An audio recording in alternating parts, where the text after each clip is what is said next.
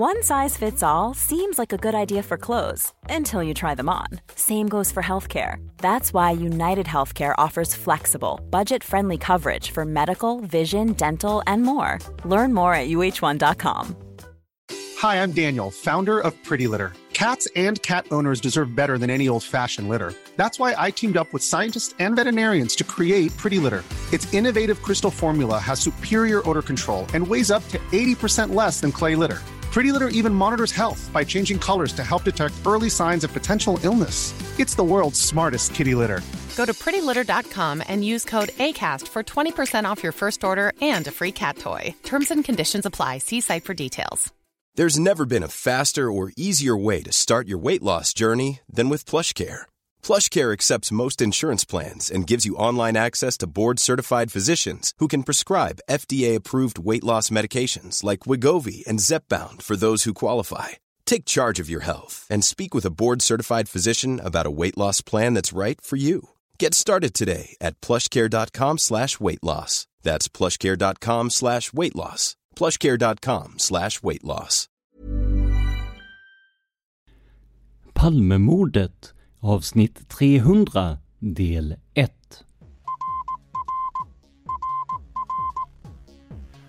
Sveriges statsminister Olof Palme är död. 90 000. Ja, det är mord på Sveavägen. Hörde de säger att det är Palme som är skjuten. Mordvapnet med säkerhet är en Smith Wesson, en revolver kaliber .357. Inte ett svar. Finns inte ett svar.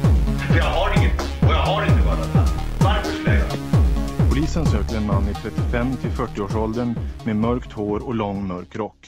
Välkomna till podden Palmemordet som idag görs av mig tillsammans med fyra andra personer. Det här är avsnitt 300 och alla jämna hundratal gör vi panelavsnitt, inte bara i Palmemordet utan även i alla mina andra poddar. Och till min hjälp idag har jag Tobias Henriksson. Hej Tobias! Hej Dan! Kul att, kul att vara med höll jag på att säga, men det är jag nästan alltid ändå, men det här ska bli jättekul, verkligen. Ja, och du behöver ingen närmare presentation kanske. Det gör egentligen inte någon annan av vår gäst heller, men de ska få lite mer prestation än vad du får.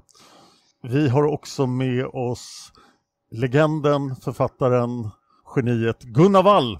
Hej Gunnar! Hejsan! Jättekul att du kan vara med. Det var fantastiskt bra. vi såg det på mängden frågor som var riktade specifikt till dig, som vi kommer att återkomma okay. till. Gunnar är ju den meste gästen i den här podden, är jag rätt säker på. Vi har gjort ett antal avsnitt. Och ja, när vi fortfarande låg på YouTube var det alltid de populäraste. Ja, jag misstänker att jag inte räknas som gäst längre, annars hade jag tagit den posten, men... Nej, du är definitivt programledare. Ja, jag, jag har blivit det på äldre dagar, eller på så här. Nej, så är det. Nu är du programledare sedan fyra år tillbaka, så att uh, du får nog inte kalla dig gäst. Nej, precis. Dessutom har vi David Lyning, journalist, sportkommentator, Palmenörd. Hej David! Hej, hej! Jättekul att vara med. Eh vilken samling eh, prominenta människor. Har du någon uppfattning om hur många avsnitt du har varit med i?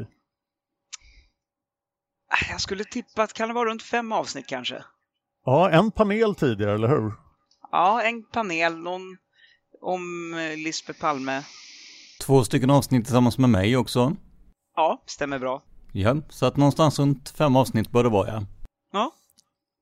Alltid Och lika dina roligt. fantastiska intervjuer. Ja, just det. Ja, ja, stämmer, stämmer. Jag hoppas ju fortfarande kunna upphöja dig till programledare så att du kan göra dina egna avsnitt, precis som Tobias. Ja, vi, vi, vi jobbar på det helt enkelt, så ja, får vi, vi se vad det tar det. vägen. Absolut. Folk brukar fråga mig om jag är den största experten på Palmemordet. Och då säger jag givetvis nej, för det är jag verkligen inte. Men jag tror jag känner till de flesta som har bättre koll än vad jag har på Palmemordet. Och en som utmärker sig är vår egen husexpert Juan Esposito. Hej Juan! Hallå Dan! Hej Tobias! Hej! Ja, tack! Smickrande ord där. Eh, jag vet inte, men eh, som sagt var jag väldigt intresserad. Och jag började tänka lite också på hur många avsnitt jag har varit med i och jag tror att jag ligger nog ett bakom David där, så fyra avsnitt. Eh, vi gjorde ju ett ja, jag tror att det var avsnitt 122 där, ett väldigt komplext avsnitt kring löptider och sådär och om vittnet Yvonne N såg gärningsmannen eller ej på, på eh, David Bagares gata. Så sen har det väl varit något panelavsnitt och något kring Skandiamannen där. Och så fick jag komma tillbaka här så det är smickrande. Tack! Det kan ha varit vårt mest tekniska avsnitt vi någonsin har gjort. Mm.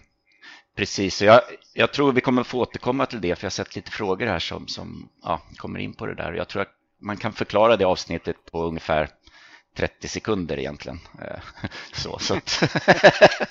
Fast det hade blivit ganska dålig podd att köra 30 sekunder onekligen så att jag, jag, jag föredrar det som det är nu. ja, vi ville få det vattentätt så därav Absolut. de uträkningarna. Då, så att, ja. mm. Jag måste nästan nämna vad jag och Juan gjorde i fredags. Då fick mm. jag nämligen en Palmevandring så att jag skulle kunna kalibrera att det jag faktiskt säger på Palmevandringarna är korrekt.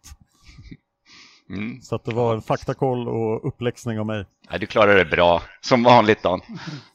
Och det är ju intressant i och med att när jag gjorde min första Palmevandring själv då så går jag på, på Dans manus, vilket gör att om Dan har några fel, felaktigheter så har ju också jag det då. Så att det här blir jättespännande. Kanske till och med, då får jag också trimma upp mig här till nästa gång.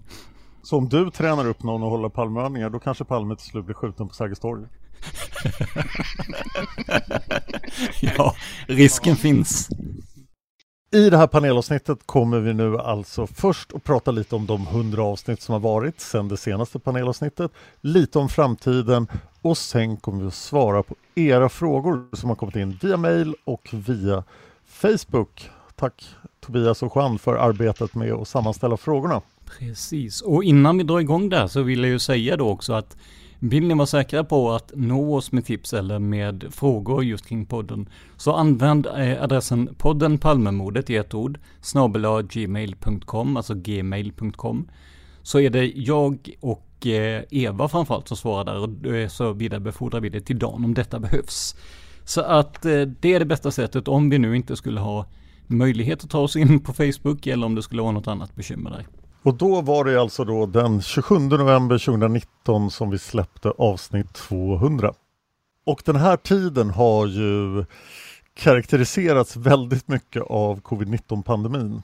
Men det var vi olyckligt ovetande om då. Du hade rodret där i början Tobias med eh, mordet i media och böckerna om mordet. Ja, alltså det, jag har ju alltid tänkt att det, det, är kul att försöka lite nya grejer helt enkelt. Och jag, jag blev ju helt uppslukad när, eh, när vi hade tillgång då till ett stort antal tidningsartiklar och sånt här från tiden efter eh, mordet precis. Och jag märkte ju sen på, på lyssnarreaktionerna att jag kanske blev lite för uppslukad för att det, det blev, blev kanske inte jättebra att köra liksom mordet i media mer som någon, ja men vad ska vi säga det som högläsning ur tidningen, det var det väl inte riktigt, men, men det blev kanske lite statiskt där. Men eh, jag tycker ändå att det var, det var kul att jämföra vad man sa om mordet då, men eh, eh, med vad som sägs idag då. Men, men som sagt, det, det är inte, inte omöjligt att det återkommer fast det är någon lite annan, eh, lite annan variant. Så.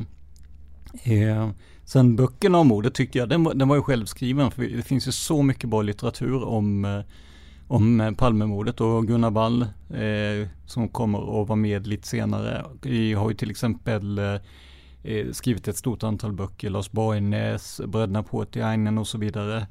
Så att det, och de, de, eh, det är sådana avsnitt vi fortfarande ibland hänvisar till för att eh, ja, när folk frågar om vilka böcker som, som är bra kring Palmemordet. Hur många böcker hann du med i avsnitten? Det måste finnas mer böcker. ja, gud ja.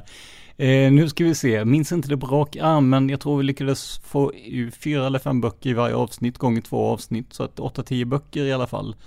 Okej, okay, då har vi typ 20 avsnitt kvar. Ja, precis. Så då vet ni vad ni har att vänta er fram till Sydafrikaspåret kommer sen. det, det, är bara böcker nu. Nej då, men det finns, och det var både högt och lågt. Det var, jag tog med några som var eh, läsvärda, men kanske lite mer konspiratoriska också för de som för de som gillar den typen. Och det här var väl, om inte jag minns fel så var det här, jo precis, det var runt jul där så att det blev lite så julklappstips också. Ja, jag gillar de här mordet i media faktiskt. Jag tänkte bara flika in det. det medieuppgifterna var, det är väldigt intressant att läsa vad tidningarna skrev den första tiden och sådär.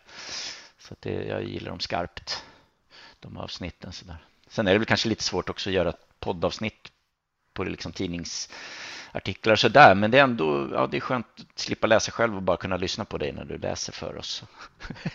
så, men jag, ty jag tycker de är ja, fulla med fakta och eller fulla med uppgifter. Och sen även eh, en del grejer som, jo, men, som kommer att ändras senare, eh, som, som också är väldigt intressanta. Och man förstår ibland varför vissa konspirationsteorier dök upp, för det var lite luddiga uppgifter i media precis i början och sådär. Så att nej, jag tyckte det var, det var intressant. Men eh, vi får hitta en, en bra form och fortsätta med det helt enkelt. Sen var det några one-shots här. Eh, Mytmosarna del 4 hade avsnitt 206. Med sanningen som alibi. Och det var ju, eh, då tog jag upp bland annat det här med, eh, eh, vad heter det nu då? Det heter polygraftestet av Christer Pettersson.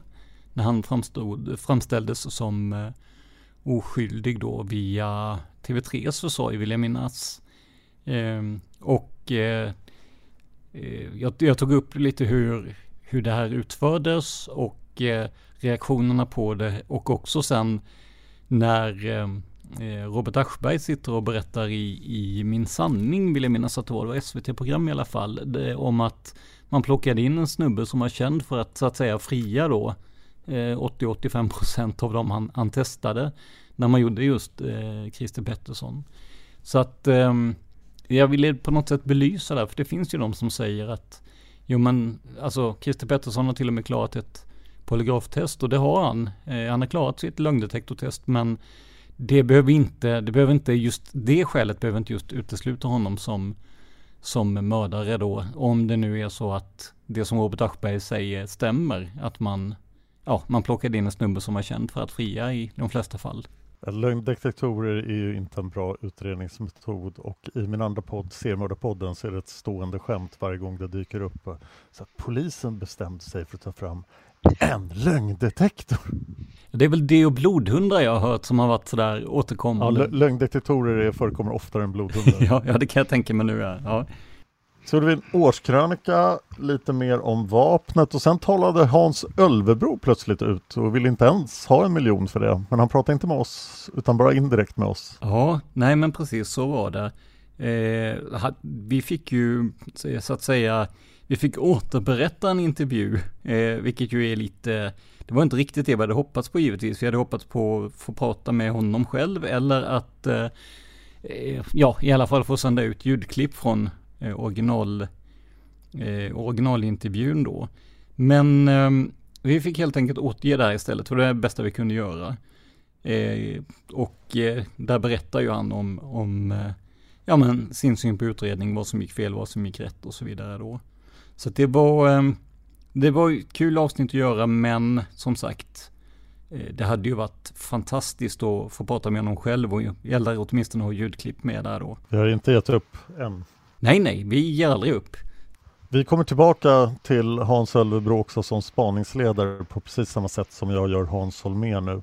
Och kom ihåg att 1986 när mordet sker så sitter alltså Hans Ölvebro i Riksmordskommissionen och är en av Sveriges mest erfarna mordutredare. Får han syssla med Palmemordet då? Nej. Sen hände det ju en liten grej där då plötsligt som eh, ändrade fokus på podden. Det kanske ni kommer ihåg. Det var Veckans brott och Christer Petersson va, som släppte bomben. Ja, ja eller? det gjorde han verkligen. Trodde att det var slut, slutet för podden eller hur reagerar ni?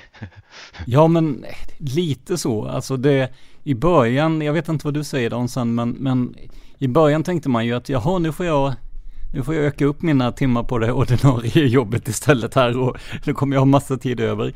För att nu har ju han något eh, riktigt solitt och, och stensäkert här då. Men eh, ju längre, ju närmare vi kom och sen efter presskonferensen så insåg vi ju att fan det går nog att köra på ett bra tag till. Alltså, jag blir upprörd nu när jag tänker på det verkligen för att jag har ju hela tiden velat att det skulle bli löst. Jag ville att på presskonferensen skulle vi få stenhårda bevis på att det var någon som var gärningsmannen och då skulle vi podda om det ett år och sen skulle vi lagt ner. Jag har massor andra poddar, jag kan podda med dem, jag vill att Palmemordet ska bli löst. Men så blev det inte riktigt. Så då släppte jag ett avsnitt om polisspåret. Ja, och jag släppte samma dag faktiskt en repris med Tillbaka till Skandiamannen då, med tanke på att det var Skandiamannen som var, ja, de låg väl i ropet där helt enkelt.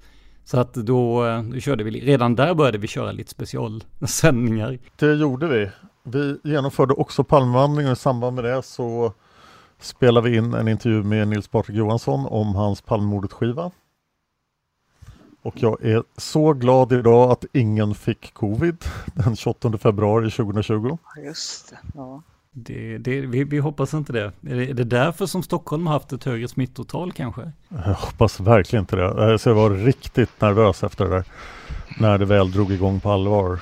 För det var en del folk i riskgrupp på Palmevandringen. Det är också därför det inte har varit någon Palmevandring i år helt enkelt. Det hade varit helt otänkbart med tanke på, på det som har varit. Jag ska bara skjuta in det också att den här um, The Great Conspiracy där med Nils Patrik Johansson. Där fick vi ju, det var lite blandade sådär, för där sitter vi och pratar musik och skivan och så går vi igenom spåren, alltså både spåren på skivan så att säga och spåren i utredningen med Nils Patrik där. Och ehm, vissa tyckte att det blev lite för mycket, ehm, ja men musiksnack och lite för lite Palme. Och andra tyckte att det var jättekul. Men alltså det, jag tycker att det finns en poäng också att kika lite på de här, vad ska vi säga, popkulturella fenomenen runt omkring Palmemordet. Lika väl som man kikar på eh, den här Netflix-serien eh, om, om Palmemordet här nu och den osannolika mördaren och sådär. Så att, nej, eh, jag, jag gillade det faktiskt. Jag med och jag tycker också att det, det är viktigt att göra sådana här samarbeten för Nils Patrik har ju massor av eh, folk som lyssnar på hans låtar och då kanske de hittar vår podd. Ja, vi har ju massa folk som, som lyssnar på vår podd. Då kanske de hittar till hans låtar. Jag hittade till hans låtar via det här. Så att det, det, det är bara, eh, det är win-win. Sen gav Lars Borgnäs ut en bok som vi ägnade sex avsnitt åt. Eh, och så kom en tv-serie också. Och du pratade med Skiff? Ja, men det stämmer. Jag pratade med Skiff och Musara om We Got This. Som då var en tv-serie som gick i SVT. Som handlade just om Palmemordet. Och Skiff som man kallas då, han är ju otroligt rolig och, och lättpratad person då. Så att, eh, nej, det var riktigt kul.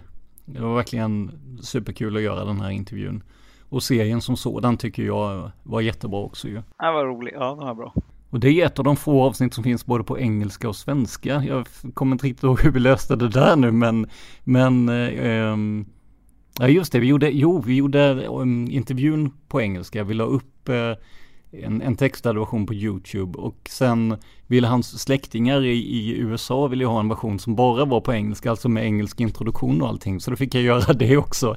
Så att den finns det väldigt många varianter den där. Så att vi är kända på andra sidan Atlanten också Dan. Fantastiskt. Vi fortsätter fram mot presskonferenskatastrofen. Vi gjorde ett avsnitt om eh, teknikens under. Då infaller vad, vad skulle ha hänt idag? Ungefär så ja. Det var väl mer en, en ja, vad ska man säga, spekulation låter konstigt men om det hade hänt idag. Ja, lite så faktiskt. Eh, nej, men jag försökte titta lite på vad, vad hade hänt idag om vi, om vi tänker oss samma scenario som, som 1986 den 28 februari då. Vad hade kunnat, vad hade man lämnat för spår och så vidare då. Det tyckte jag var en, kanske lite udda avsnitt men, men jag tyckte det var lite kul att jämföra i alla fall. Precis, nu, jag började tänka direkt här på Hans Holmér. Nu kanske jag spoilar någon liten del i de här Hans Holmér-avsnitten, men han var ju inte rädd för att testa ny, ny teknik eh, heller faktiskt. Han var ju i framkant där, lite för kanske inte var rätt, rätt tillfälle att testa allt sånt där. Men signalementsmaskinen där och till exempel och sen att han skickade upp Viggen för att ta massor med bilder. Eh, så där kommer jag att tänka på. Men, men nej, precis. Men det här var väl mer tekniken av idag då som. Ja, precis. Eh, vi pratade övervakningskameror, eh, telefonspårning och sådana grejer. Och sen dagen så var det ju dags för, för dig igen där, Lars Borgnäs och Gunnar Wall. Ja, och gjorde ett Gamla stan-avsnitt där. Men sen började vi ha lyssnarpanel och funderar på de misstänkta och sen small det. David, vad var din känsla den 10 juni 2020? Eh, min känsla var att eh, eftersom man hade hört innan, det hade sipprat ut från väldigt många håll, att det var andra spår som, alltså som folk som hade hört från ganska så initierade källor att det var andra spår som var åtminstone lika heta som det som de sen presenterade. Och eh, jag trodde ju inte att det skulle finnas tillräckligt. Jag tillhörde ju de som trodde att det inte skulle finnas tillräckligt mycket på Stig för att de skulle lansera honom. Jag blev intervjuad i P4 Sörmland här samma på morgonen. Jag var smart nog att säga att ändå för att jag tänkte att det, det blir nog Stig ändå. Så att jag satt inte och svor på att det skulle bli något annat. Men nej, det var en chock när det väl kom. Eller chock, ja, jag blev förundrad. Förbannad och förundrad. Jo men verkligen och, och den, arbets, den arbetsveckan vi hade där var ganska intressant. Don, du var ju intervjuad i både tidningar och radio och jag vet inte allt. Och, och helt plötsligt ringde New York Times mig och sa att, att Dan hade nekat om en intervju så de ville prata med mig istället. Det, så att ni med Skefin och ja, säger alltid... liten tidning? Ja, ja precis. Ja men Skefin och Massaro eller Skiff då, han säger ju alltid att, att han kommer kalla dig mannen som tackade nej till New York Times i fortsättningen. Men uh, det jag hade lite att göra den veckan. Ja, jag förstår det. Ja, jag kan säga det var lokaltidningarna, det var TV4, det var, det var SVT tror jag också. Nej, det var, och, och, och, där kom ju också det här att vi, vi fick möjligheten att sända presskonferensen. Dels så, eh, så livechattade vi om den då på Facebook och sen så eh, sände vi ut den i, i efterhand sen då eh, med, med eh, utredningens välsignelse som eh, avsnitt 229 där. Så att det är Nej, det var intressant. Det var det. Podden har aldrig varit så stor som den var just då. Vi så var en av Sveriges största poddar den veckan. Så att fler lösningar på Palmemordet hade varit jättebra. Gärna. Vi kör en vända till. Ja. Jag, jag tänkte ju säga att eh, David hade, kan ju få utveckla sin, eh, sin, vad han tänkte kring den här presskonferensen i avsnitt 230 där som var en lyssnarpanel. Men jag ser nu att du var inte med den gången David. Nej, jag tror inte jag var där, nej. Nej, jag vet inte vad som. Du hade fullt upp med, vad var det du sa, Radio Sörmland eller vad det var där. Men sen hade väl jag varit med någon panel tidigare? Ja, det hade du kanske ja. Vi tog nytt folk där ja. Just det, det kan vara så enkelt. Juan, hur kände du den 10 juni? Ja, det var ju ett antiklimax. Det var ju... Jag, jag satt och höll tummarna liksom för att man hade torrt på fötterna och jag tror jag har tagit upp det där också i det avsnittet som jag var med i var det 233 där som vi kanske kommer ja. till. Här. Precis, nu är vi på 200, precis 229 där, det var en tionde. Ja. Mm. Nej, jag, antiklimax. Jag var orolig. Jag hoppades verkligen att man hade torrt på fötterna eh, och verkligen kunde. För mig råder det inget tvivel om att det var Stig Engström man skulle presentera. Så utifrån ja, det jag följt i i olika forum och i media och sådär. Så att det var inga konstigheter så. Då. Men jag var orolig för att man inte hade torrt på fötterna och det tycker jag inte man har. Så att det var totalt ett antiklimax. Och plus det här vi, man fick läsa under hela våren där med utredning som fortsatt. Jag tror nu också med eh, efter nedläggningen då när vi har fått möjlighet att och, och få tag i olika förhör så visade det sig att man förhörde några av poliserna veckan innan, eller två veckor innan eh, presskonferensen. Och jag ville något, på något sätt där också intala mig själv att det här var det sista. Man ville verkligen presentera allt man kunde. Och man hade torrt på fötterna och verkligen bara klämma ut det sista. Men det var tomma skott. Det var DNA-analyser som gjordes som inte gav något resultat. Det var, det var ju ingenting. Så att, jättetråkigt. Verkligen. Jag är, ja, jag är fortfarande besviken och blir, känner att jag sitter och blir arg också. ja, Men, ja, ja, det är så onödigt och dumt, tycker jag. Mycket av avsnitten efter det handlade om reflektioner. Reflektioner från dig Juan, från eh, Gunnar Wall, från Stocklassa, från lyssnarna. Men det började också komma ut en massa dokument. Mm, det började det. Men innan dess vill jag bara säga att vi, ett, en gäst som vi hade i podden eh, som eh, ja, vi inte hade räknat med var att vi fick tag i Christer Petersson. Eh, förundersökningsledaren där ju precis efter presskonferensen. Vi fick hela sju minuter med honom. Eh, vilket ledde till ett avsnitt på 13 minuter. Den här dagen eh, så, ja, jag satt på mitt vanliga jobb. Jag körde lastbil helt enkelt. Så att på lunchen, nu säger jag helt enkelt igen, förlåt alla lyssnare som tycker att jag säger helt enkelt alldeles för mycket. Men jag körde lastbil och på lunchen så fick jag alltså intervjua honom via bärbar dator. Eh, mitt ute i ingenstans. Det var, det var smått kaotiskt där. Men eh, ja, roligt var det i alla fall. Men, men som du sa Dan där, eh, vad, vad skulle det komma, du sa det här med att det började komma ut dokument. Vi kanske ska prata lite mer om 233 eh, nu. Jag tycker att eh, du gjorde ännu en fantastisk analys där Juan. Det är också ett ganska tekniskt avsnitt. Ja, precis. Det var väl egentligen att lyfta de här ja, uppgifterna från Stig Engström som, som handlar om mordplatsen efter skotten och verkligen visa att det finns ett tvivel kring Stig Engström som gärningsman då. Eh, så att ja, precis. Nu minns jag inte. Det, det är ju en hel del som har hänt sedan dess. Ytterligare uppgifter som jag inte hade med då som jag har tittat på så här i efterhand också. Så att, nej, det, mm, nej, men det är ett intressant avsnitt som också fått ganska så mycket respons eh, kring då vid sidan om. Så att det har varit, varit kul att diskutera med ja, både för och emot då, med, med flertalet personer. Och sen som du sa Dan så kom ju de här avsnitten där vi försökte gå igenom lösningen tillsammans med Gunnar Wall, Jan Stocklassa, Skiff Mosara och sen också hur man hade skrivit om lösningen i media. Precis. Och Skiffs tv-serie var ju nu en succé då. Verkligen. Eh, som hade vunnit priser över halva, halva världen höll jag på att säga, men stora delar av Europa i alla fall. Och eh, även utanför det. Så att eh, nej, det var en intressant uppföljning där. Skiff, om du lyssnar, jag är redo att ställa upp i säsong två och är ju redan en etablerad karaktär i Gattis-universumet. ja, faktiskt. Ja, du hade en, du hade, du spelade mot eh, Hasse Aro där vill jag minnas. Ja, det stämmer i säkert 20 sekunder. Det här är hela min skådespelarkarriär, det är viktigt för mig. Ja, men självklart. Jag var med i en Wallander-film i fem sekunder, det kallades för en större statistroll. Eh, större? Ja, precis, det är intressant. Jag spelade, dessutom spelade jag, jag tror det var polsk gästarbetare, så det, det var ju kul att man Alltså jag vet inte, inget ont om polska gästarbetare, men jag tänkte ju aldrig att jag hade ett utseende som skulle harmoniera med det riktigt. Men, men eh, jag förstår dig Dan. Men sämre motspelare kan du ha haft än Hasse Aro, han är ju hyfsat rutinerad karl. Ja, han, han körde sin efterlysgrej där.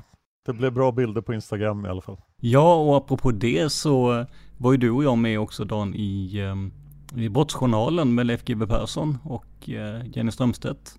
Just det, det var vi ju. Ja, och där var det ju också bra bilder till Instagram om inte annat.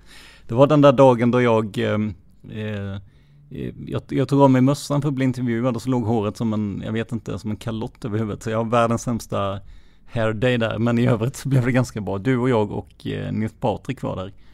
Eh, du fick med ett avsnitt om Palmehatet där. Ja, det är intressant. 238. Ja, precis. Varför han var så kontroversiell och vad det var som eh, ja, gjorde att, att det fanns så många som ville ha ihjäl honom helt enkelt. Nu säger jag helt enkelt igen, förlåt alla lyssnare som... Men jo, som sagt, vad det var som gjorde att Palme var så kontroversiell som han var. Och det här går ju ihop också med ett avsnitt som kom senare om eh, Olof Palmes liv där. Och här började dokumenten komma ut, så jag gjorde promemorian, Annette K och så börjar Christer avsnitten igen och påbörjar en ny kronologi av Christer A nu när så mycket mer är känt.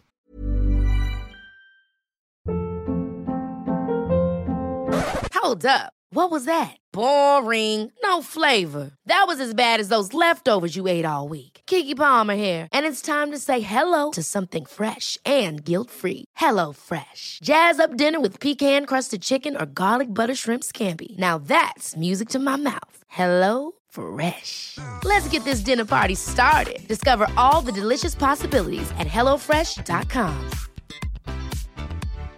If you're looking for plump lips that last, you need to know about Juvederm lip fillers. With Juvederm Volbella XC and Juvederm Ultra XC, your lip look, whether it's subtle or bold, can last up to one full year with optimal treatment and no additional maintenance. Find a licensed specialist and see if it's right for you at juvederm.com today. That's J U V E D E R M.com. Add fullness to lips in adults over 21 with Juvederm Volbella XC or Juvederm Ultra XC. Do not use if you have severe allergies or a history of severe allergic reactions, or if you're allergic to lidocaine or the proteins used in Juvederm. Tell your doctor if you have a history of scarring or taking medicines that decrease the body's immune response or that can prolong bleeding. Common side effects include injection site redness, swelling, pain, tenderness, firmness, lumps, bumps, bruising, discoloration, or itching. As with all fillers, there's a rare risk of unintentional injection into a blood vessel, which can cause vision abnormalities, blindness, stroke, temporary scabs, or scarring.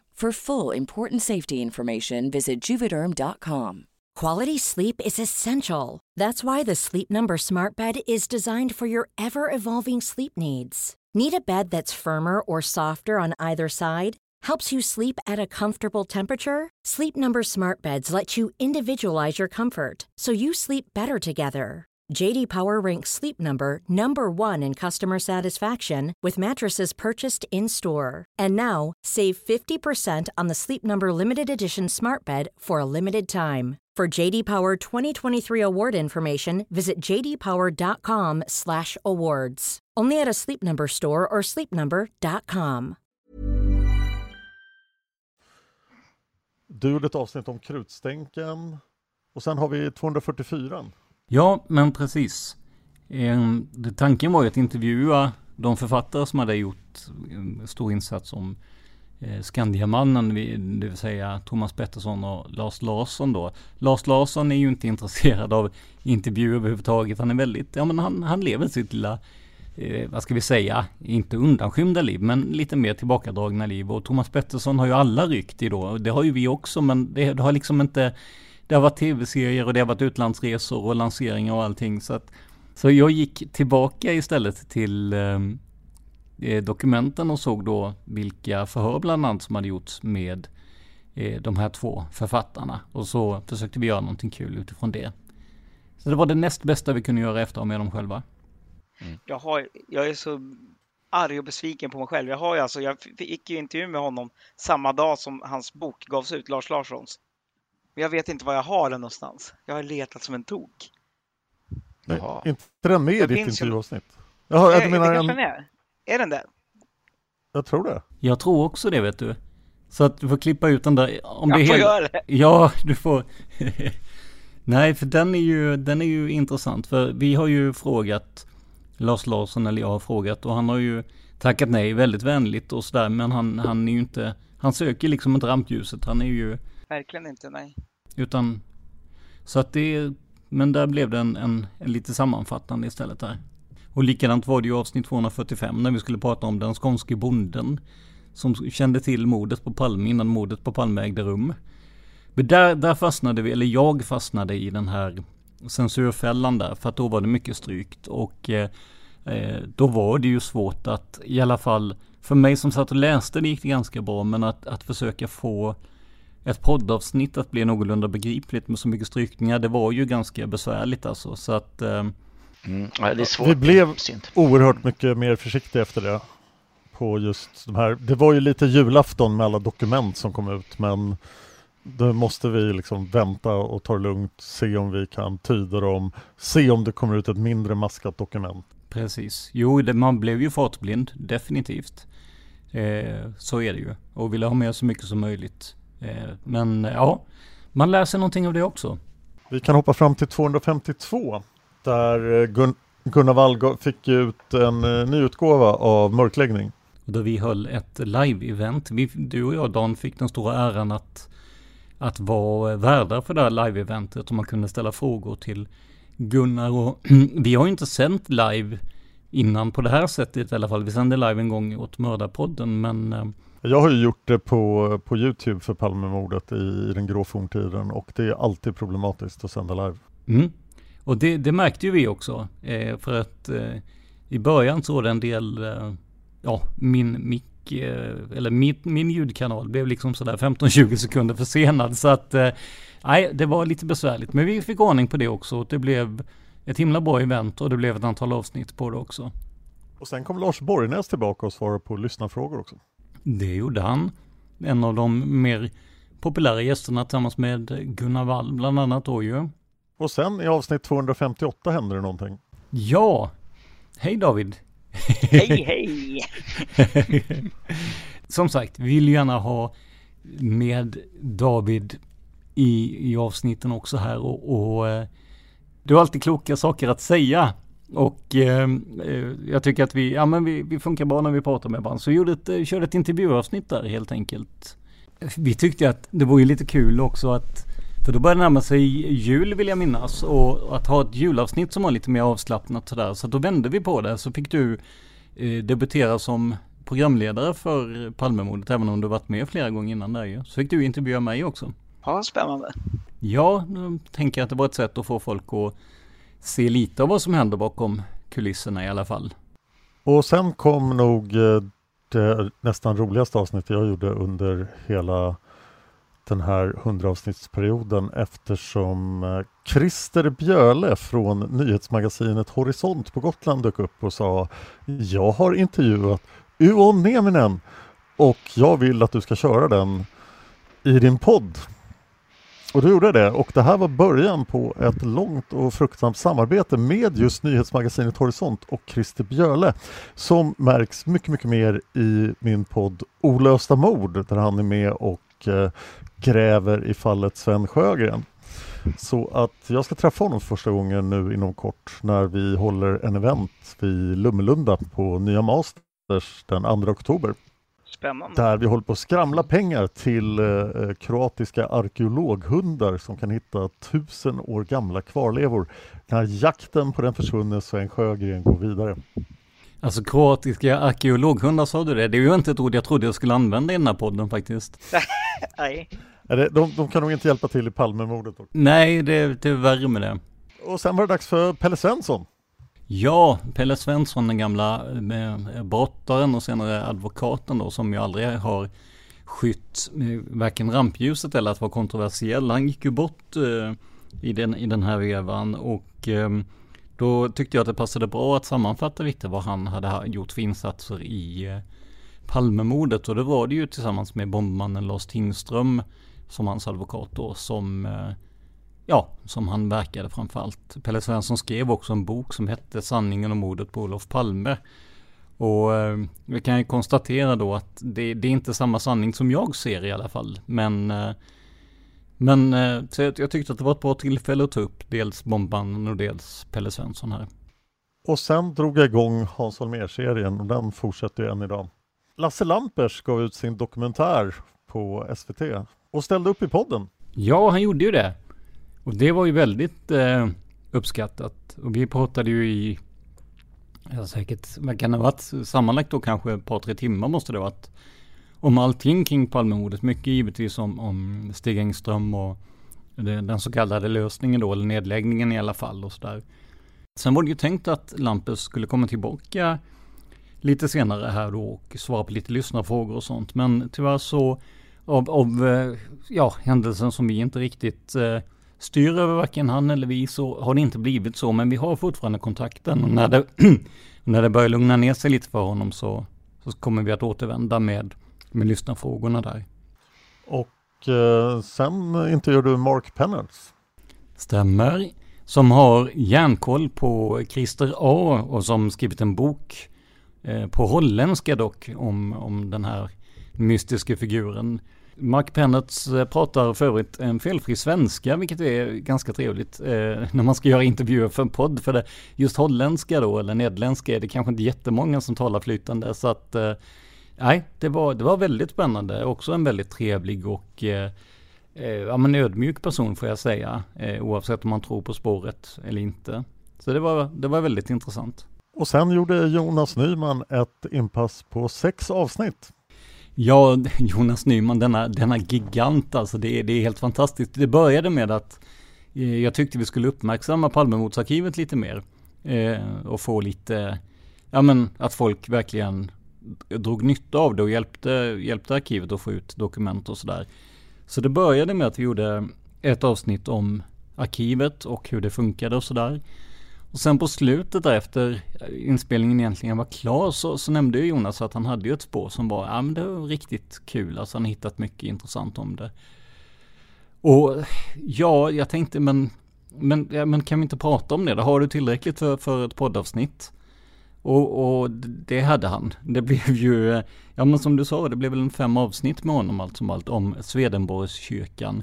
Och eh, eh, den berömda numera då Leif som, eh, ja, hade lite skumt för sig och vars änka eh, såg honom som en möjlig mördare då. Så det var, det var väldigt intressant och eh, sen mitt i allt det här så, så hörde ju den här änkan av sig och tyckte att hon ville minsann berätta sin historia. Och det, det är absolut, vi vill ju ha alla sidor av det. Eh, så att då fick vi in hennes historia med.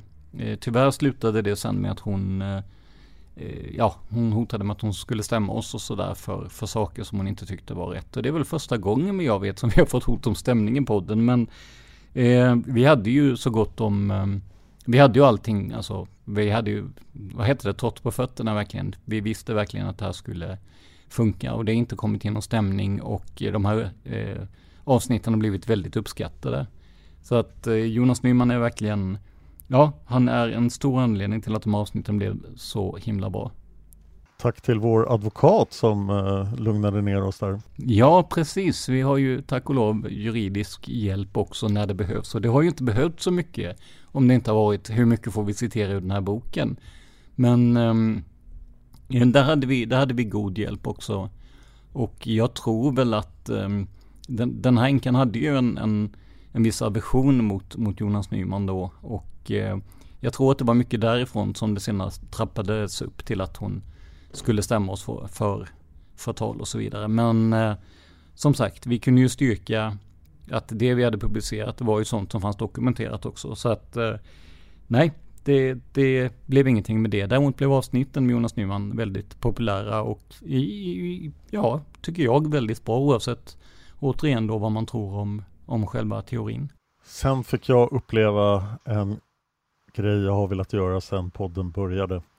Men precis när jag började Palmemordet så slutade Johannes Finnlaugsson göra Palmemordspodden. Men nu är han tillbaka och vi gjorde ett avsnitt i varandras poddar. Så det finns ett avsnitt av Palmemordspodden där jag pratar om privatspanare. Och det finns ett avsnitt av Palmemordet där Johannes Finnlaugsson pratar om Palmemordspoddande. Vad tyckte ni om det, David? Jag gillar ju Johan, Johannes Finnlaugsson. Jag tycker han är stört skön. Mm. Ja, han är fantastiskt ja, jag... rolig. Ja, ohyggligt rolig. Jag instämmer absolut. Sen är det ju ena sidan av mig säger liksom kan man skämta om det här? Ja, jo, det kan man väl så. Nej, men jag tyckte det var jätte trevligt avsnitt så och jag har följt Johannes också, hans, hans poddavsnitt. Med nöje, ja det är faktiskt roligt. Och det här är väl de två poddarna där man oftast rör ihop namnet, i alla fall var det så i början märkte vi. Jag tror att folk ja, fortfarande rör ihop namnet.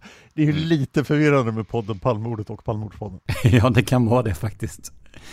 Jag vet inte om Johannes podd inte hade funnits, om jag hade kallat den här för Palmordspodden. Eh, Gunnar Wall gästade oss via, ett, via mig i Den osannolika mördaren uppdaterad, del 1 och 2.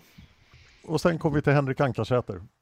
Ja, det här var ju en sån där hundraperiod då folk gick bort till höger och vänster. Tyvärr så avled ju Henrik Ankarsäter som hade varit gäst i eh, modets Modet psykologi del 1 för ett bra tag sedan. Och tanken var att han skulle komma tillbaka och att vi skulle prata Stig Engström och gärningsmannaprofil och allt möjligt då. Men eh, när jag hörde av mig till honom igen så, så var han sjuk. Han var sjukskriven och eh, han sa inte vad det rörde sig om men, men eh, han sa att han hade inte så mycket energi eller tid just nu till Palmemordet utan det var att bli frisk som var det viktiga. Och sen eh, dröjde det inte så länge när han fick besked att han tyvärr hade avlidit då. Eh, så att eh, avsnitt 283, Mordet psykologi del 2. Det blev ett, eh, ett avsnitt till minne av Henrik Ankarsäter som gjorde ett djupt intryck på både mig och på många lyssnare då med sina analyser. Eh, Henrik Ankarsäter är alltså professor i rättspsykiatri, eller vad ska jag säga. Och eh, hjälpte oss att bena ut vissa saker kring eh, eh, Viktor Gunnarsson första vändan. Eh, så att de här två avsnitten gjordes ju i, i Henrik Ankarsäters anda får man väl säga med utdrag från hans blogg som vi fick eh, tillåtelse att använda. Och då gick vi igenom en del av, av gärningsmannaprofilen och vi gick igenom Stig Engström som person också. Ja, tragiskt. Bra, bra avsnitt. Och bra att ni fick ta del, eller liksom kunde lyfta hans blogginlägg också i, i podden tycker jag. Det...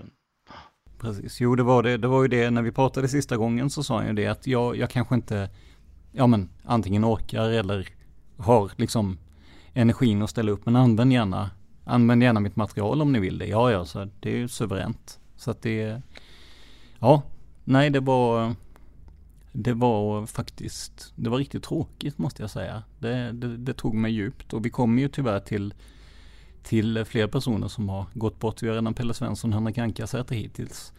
Men eh, vi måste ju väga upp det där som var lite tråkigt och sådär genom att göra en intervju med eh, Otto Ekevi som gör sina egna filmer på Youtube om eh, Palmemordet där. Och det är ju, han är ju väldigt lättpratad och eh, ja men Eh, väldigt öppenhjärtig och sådär. Så det blev en liten, liten kontrast till de här kanske lite tyngre avsnitten då som, som var innan. Så det var ju nästa avsnitt som blev.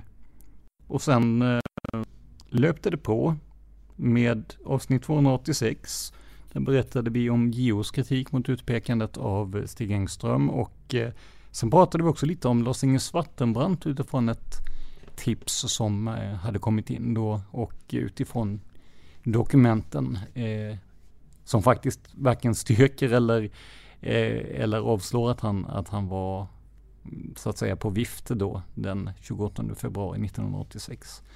Och det här är ju ett sånt där spår som har funnits med en tid, eller spår och spår, men en teori om att Svartenbrandt var ju tillräckligt galen och farlig i övrigt, så varför skulle han inte kunna gjort det här också ungefär då?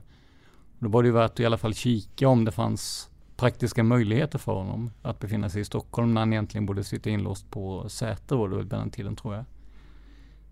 Så det var, det var de avsnitten så långt och sen följdes det upp med de som erkände.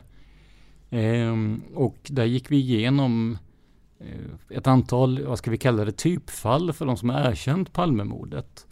Vilket jag tyckte var ganska intressant för att ja men det visade sig att det var en del Ehm, personer med eh, olika typer av ja, men, problematik oftast som eh, antingen att man hade lite var lite väl glad i drickat eller att man hade psykiska problem och sånt där som eh, som erkände den större delen av det ska jag säga. Det var lite intressant också att att belysa den sidan med vilka är det egentligen som har erkänt och på vilka grunder. Och utifrån de dokumenten Eh, som vi refererade här så fanns det ju inget fall jag kunde se där det var värt att där jag i alla fall skulle känna mig lite småhet och vilja lägga ner mer energi utan tyvärr så var det personer som ja men kanske inte alltid mådde, mådde jättebra då men som eh, som helt enkelt erkände mordet för att ja synas antar jag. Eller för att man mådde dåligt och inte riktigt visste vad man gjorde. Sen, sen fortsatte ju då serien om eh, Hans Holmér eh, och det var ju Dan då som fortsatte berätta om den första spaningsledaren här. Eh, en väldigt intressant serie. Vad, vad, vad känner ni i panelen David och, och Juan här? Ni, ni, har lyssnat en del kring Hans Holmér antar jag och ni vet ju en del om honom. Vad, vad, vad har det väckt för, eller för, för tankar hos er? Ja, jag tycker ju överhuvudtaget att alltså det är så fascinerande hur antingen hur fria tyglar han fick eller fria tyglar han tog sig. Det, tycker, det är ju det som man mest blir imponerad av och hur han liksom hela, hela hans sätt att vara, att det liksom alla, det verkar liksom bara folk bara gick med på det. Det är lite märkligt. Ja, verkligen. Jag tycker de avsnitten de är kanon faktiskt. Det är bra också att få ett lite större perspektiv när det kommer till Hans Holmér som får rätt mycket med skit, Eh, med all rätt då. Eh, sådär hur han kom till makten som spaningsledare där i början också. Eh, så, men jag tycker de har otroligt mycket uppgifter och sådär så att det är ett av de liksom bättre, bättre avsnitten faktiskt. Väl researchat också. Ja, sen, sen fick jag göra ett, ett avsnitt om en, en barndomsidol får man väl säga. Eh, men inte på det sättet som man kanske tror då. Vi gjorde ett avsnitt som heter Skådespelarna som blev vittnen. Och eh, då visade det sig att eh, Jörgen Lantz eh, som senare gjorde eh, Björne i Björnes magasin och Robert Gustafsson givetvis var på, eh, på den här bion på kvällen. Och eh, eh vi tittade lite på deras utsagor. Och framförallt så var det Robert Gustafssons utsaga som den har ju förändrats en del eh, genom åren, medvetet eller omedvetet. Eh, från att vara ganska simpel och att han inte såg speciellt mycket alls till att han att det var väldigt mycket walkie-talkies och bilar och annat som eh, ja, som fanns där ute då. Vi kan väl bolla över frågan igen då. Hur, hur tänker ni kring eh, kanske framförallt Robert Gustafssons vittnesmål? Har ni satt in någonting i det?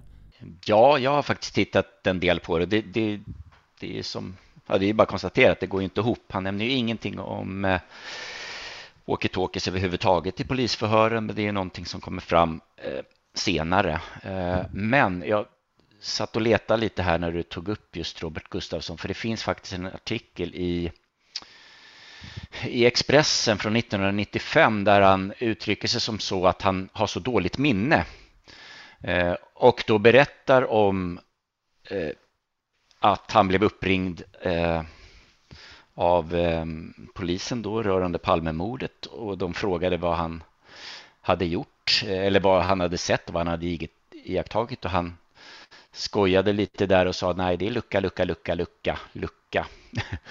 typ så. Så det var ett skämt i den där artikeln men det är väl liksom, ja, jag vet inte hur man ska kunna få ihop hans vittnesmål. Det, uppgifterna går inte ihop med det han säger senare i alla fall. Men, men också just det att han säger att han, är, han har inget, inget bra minne. Så fråga mig vad jag gjort igår och jag minns inte eller någonting sånt. Det, det var så. Jag tänkte jag skulle kanske kunna posta den också så att man inte tror att jag sitter här och hittar på Prata strunt om Robert Gustafsson. Han är en underbar, underbar komiker men ja, men eh, ja, nej, det är någonting som inte stämmer där. Det blev Christer A och det blev Hans Holmér, två serier som är väldigt populära.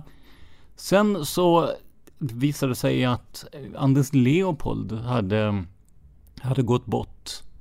Och eh, Anders Leopold hjälpte oss supermycket verkligen med Viktor Gunnarsson och även en del kring Sydafrika, CIA. Och eh, även om det är det som vanligt med, med våra gäster, att man behöver inte tro på deras teorier för att tycka att de är väldigt vettiga personer och sådär. Så att eh, nej, jag blev, blev djupt berörd här och eh, vi satte ihop ett litet minnesavsnitt om Anders Leopold. Ja, han har ju varit med länge också där. Eh, jag bara oh, ja. tänkte ta det, han har haft en hemsida väldigt, väldigt länge som han har lagt ut information på så att han har varit starkt bidragande till, till mycket. Precis, leopoldreport.com och den finns väl, jag tror den finns kvar även nu efter hans bortgång här så vitt jag har kunnat se. Sen så pratade vi med Bengt Hahn som eh, kommer att ställa frågor lite senare här också. Eh, och eh, försökte få ordning på, på just Stig Engström. Eh, huruvida vi lyckades är en helt annan sak. Och sen kommer introduktionen till Sydafrikaspåret. Eh, som har gjorts två avsnitt. Eh, och eh, ja, vi hoppas kunna köra igång med det så, så snart vi har tillräckligt med material och vet att vi kan täcka upp ett stort antal avsnitt. Är det någonting ni ser fram emot i panelen att få höra mer om Sydafrika? Ja. Ja, ja men absolut. Allt, allt är av intresse. Därmed rundar vi av det här första avsnittet från vårt firande av 300 avsnitt. I de nästkommande två avsnitten kommer Gunnar, Juan och David tillsammans med Dan och mig att svara på alla frågor ni har skickat in. Om ni vill komma i kontakt med oss, använd gärna e-postadressen podden Palmemordet gmail.com Podden Palmemordet i ett ord gmail.com alltså. Facebook-sidan kommer att finnas kvar, men tiden det tar att administrera denna lägger vi hellre på att göra bra poddavsnitt. Det här var veckans avsnitt av podden Palmemordet som idag gjordes av mig, Tobias Henriksson, av Dan Hörning, Juan Esposito, Gunnar Wall och David Lynning. Om du vill sponsra podden och se till att vi kan göra fler spännande avsnitt så hittar du alla sätt att donera till oss i avsnittsbeskrivningen. Tack till alla er som stöttar, men framför allt stort tack för att du lyssnar på podden Palmemordet. Man hittar Palmes mördare om man följer PKK-spåret till botten. Därför att ända sedan Julius Caesars tid har jag aldrig hört talas om ett mord på en framstående politiker som inte haft politiska skäl. Polisens och åklagarens teori var att han ensam hade skjutit Olof Palme. Och det ledde också till rättegång. Men han frikändes i hovrätten. Nu ska vi ut på rövarstråt. Ja, vi ska ut och röva. Even when we're on a budget, we still deserve nice things. Quince is a place to scoop up stunning high-end goods for 50 to 80% less than similar brands. They have buttery soft cashmere sweaters starting at $50, luxurious Italian leather bags, and so much more. Plus, Quince only works with factories that use safe, ethical, and responsible manufacturing. Get the high-end goods you'll love without the high price tag with Quince. Go to quince.com/style for free shipping and 365-day returns. Ever catch yourself eating the same flavorless dinner three days in a row? Dreaming of something better? Well, HelloFresh is your guilt-free dream come true, baby. It's me, Kiki Palmer. Let's wake up those taste buds with hot, juicy pecan-crusted chicken or garlic butter shrimp scampi. Mm. Hello Fresh. Stop dreaming of all the delicious possibilities and dig in at HelloFresh.com. Let's get this dinner party started.